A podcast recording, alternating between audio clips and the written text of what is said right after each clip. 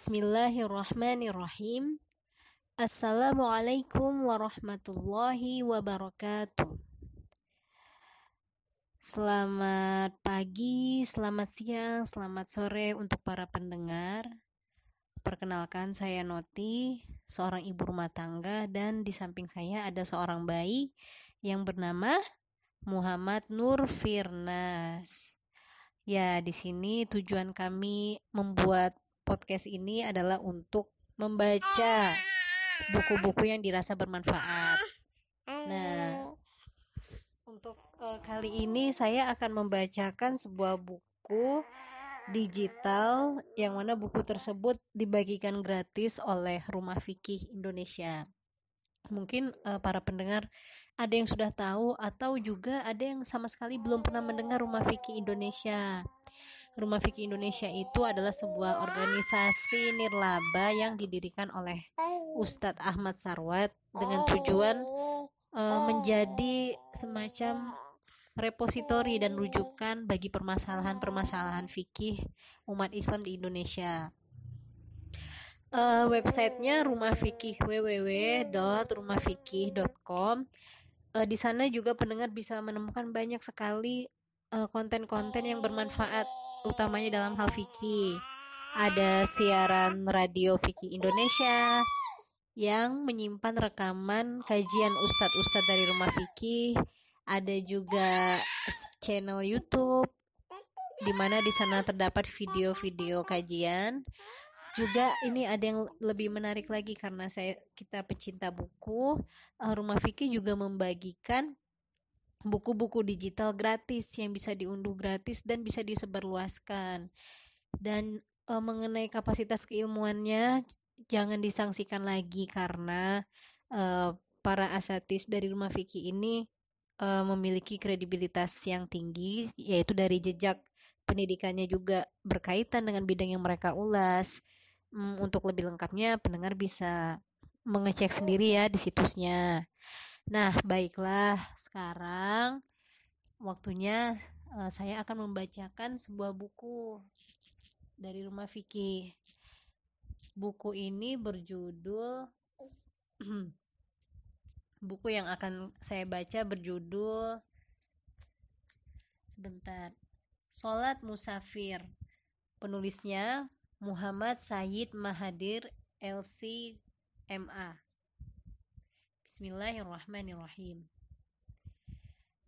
Nah, buku ini, buku kecil ini berbicara tentang beberapa pilihan yang bisa dilakukan oleh musafir agar sholat tetap bisa dilaksanakan. Mengapa begitu? Karena dalam bab sholat ternyata musafir atau orang yang sedang melakukan perjalanan e, tidak menjadi sebab bagi dia untuk tidak sholat. Jadi kesimpulannya walaupun uh, kita berada di perjalanan yang sering kali membuat kita kesulitan untuk uh, melaksanakan sholat atau bahkan keadaan dalam perjalanannya tidak begitu nyaman misalnya macet atau sulit mencari tempat sholat musola nah itu tidak menjadi alasan bagi kita untuk meninggalkan sholat. Begitu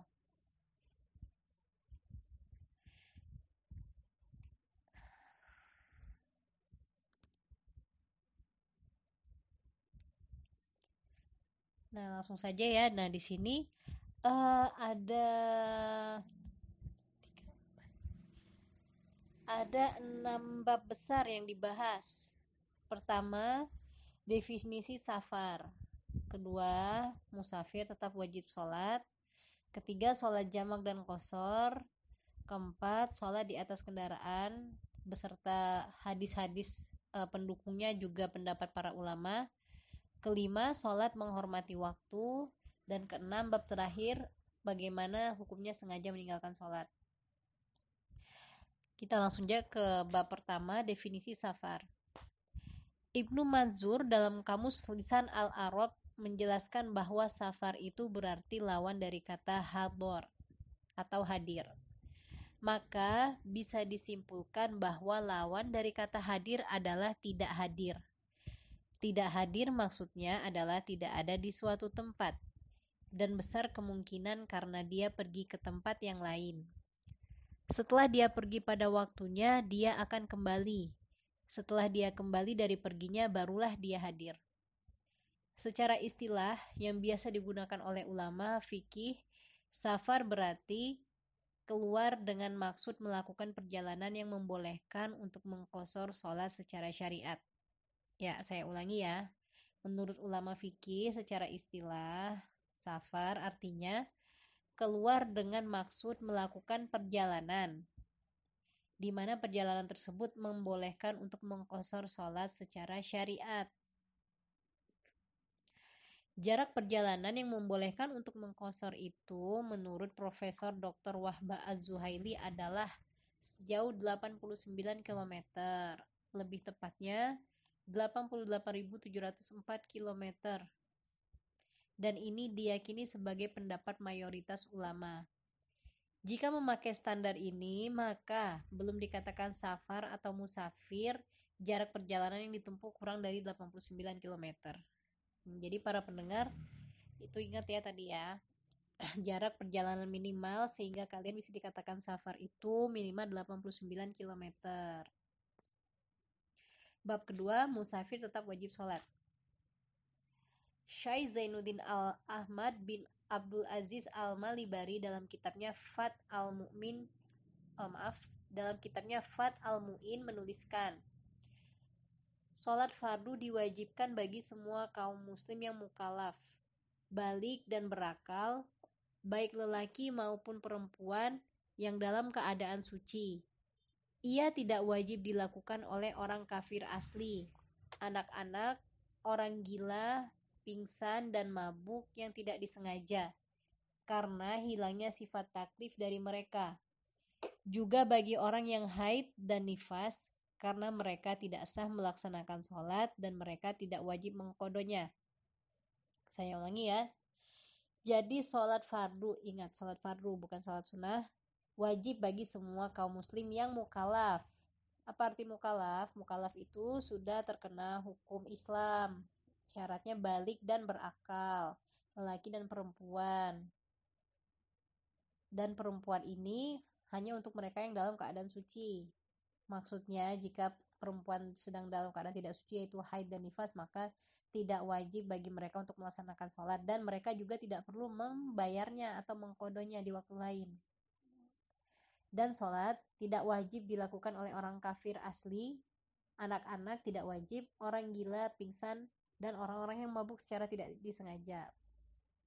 Nah, maka musafir tetap tergolong orang yang wajib mengerjakan sholat. Jangankan musafir, mereka yang secara fisik dalam keadaan sakit saja tetap wajib melaksanakan sholat.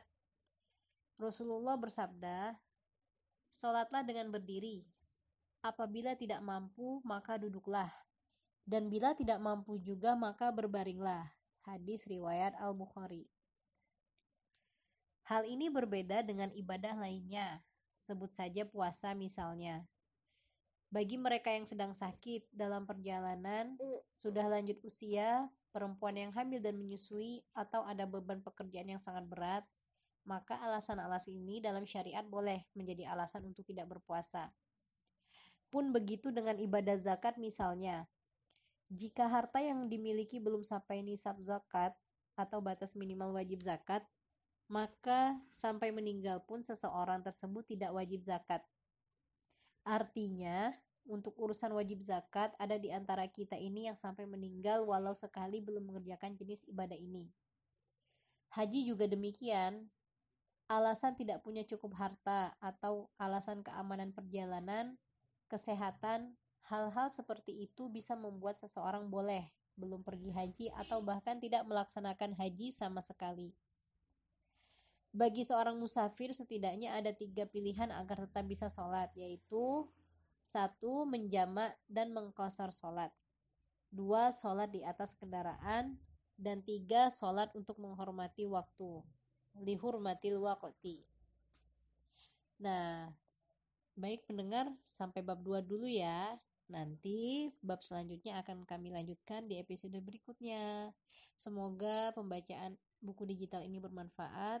Kami juga menerima kritik dan saran, silakan dikirimkan ke email saya sudahono.noti@gmail.com. Terima kasih. Wassalamualaikum warahmatullahi wabarakatuh.